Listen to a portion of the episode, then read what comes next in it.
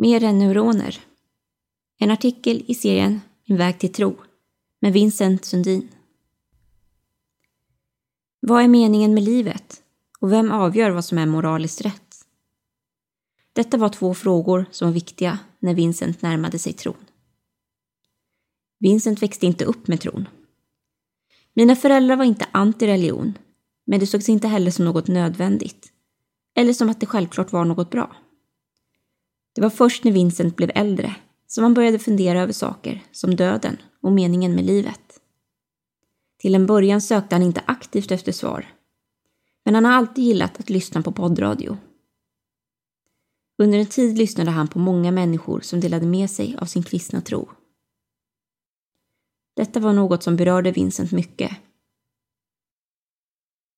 Han upplever Sverige som ett väldigt ateistiskt land där religion inte är en naturlig del av livet eller sättet att tänka. Och när han stötte på dessa livsfrågor gjorde det ett starkt intryck på honom. Mening och moral. Vincent nämner två livsfrågor som var viktiga under hans väg till tro. För det första handlade det om meningen med livet.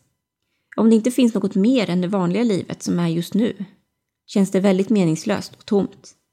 Om vi bara är lite mer avancerade djur som inte styrs av annat än neuroner i hjärnan och det inte finns mer än att vakna, äta, sova, dö.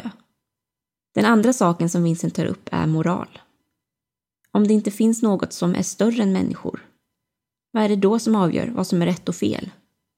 Om det avgörs av människor, vem säger att någons åsikter är bättre än någon annans?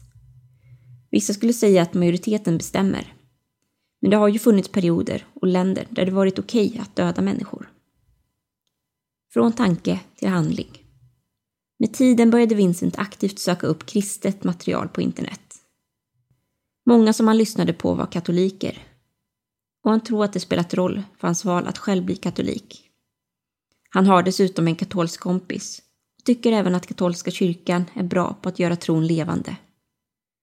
En dag bestämde Vincent att om han verkligen skulle vara intresserad av kristen tro kunde han inte bara sitta hemma och läsa. Han måste göra något. Han bestämde sig för att gå till en katolsk mässa. Han blev väldigt rörd av både musiken, predikan och hur det såg ut i kyrkan. Jag minns fortfarande första predikan jag hörde om treenigheten. Och den berörde mig starkt. Efter det bestämde sig Vincent för att bli kristen.